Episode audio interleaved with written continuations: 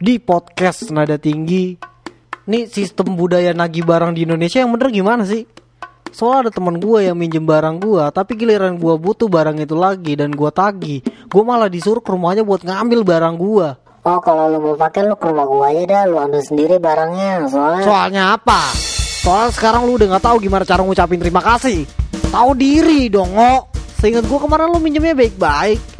Tapi sekarang giliran gue mau pakai barang itu, lu malah nempatin diri lu seolah lu adalah pemilik dan gue adalah pengemis yang sangat butuh bantuan.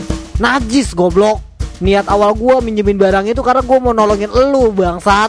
Tapi kenapa malah jadi gue yang repot? Pikiran lu tuh ngarah ke mana sih? Malu sama bulu kelamin lu yang udah rame tolol Awal lu bilang minjem barang gue cuma seminggu Lu nggak balikin berminggu-minggu bahkan berbulan-bulan Dan gua nggak pernah negor lu sedikit pun tentang barang gua Di sela itu kita nongkrong pun gue juga nggak pernah nyinggung masalah barang itu. Tapi ketika gue butuh gue cuma minta barang itu balik ke tempat semula.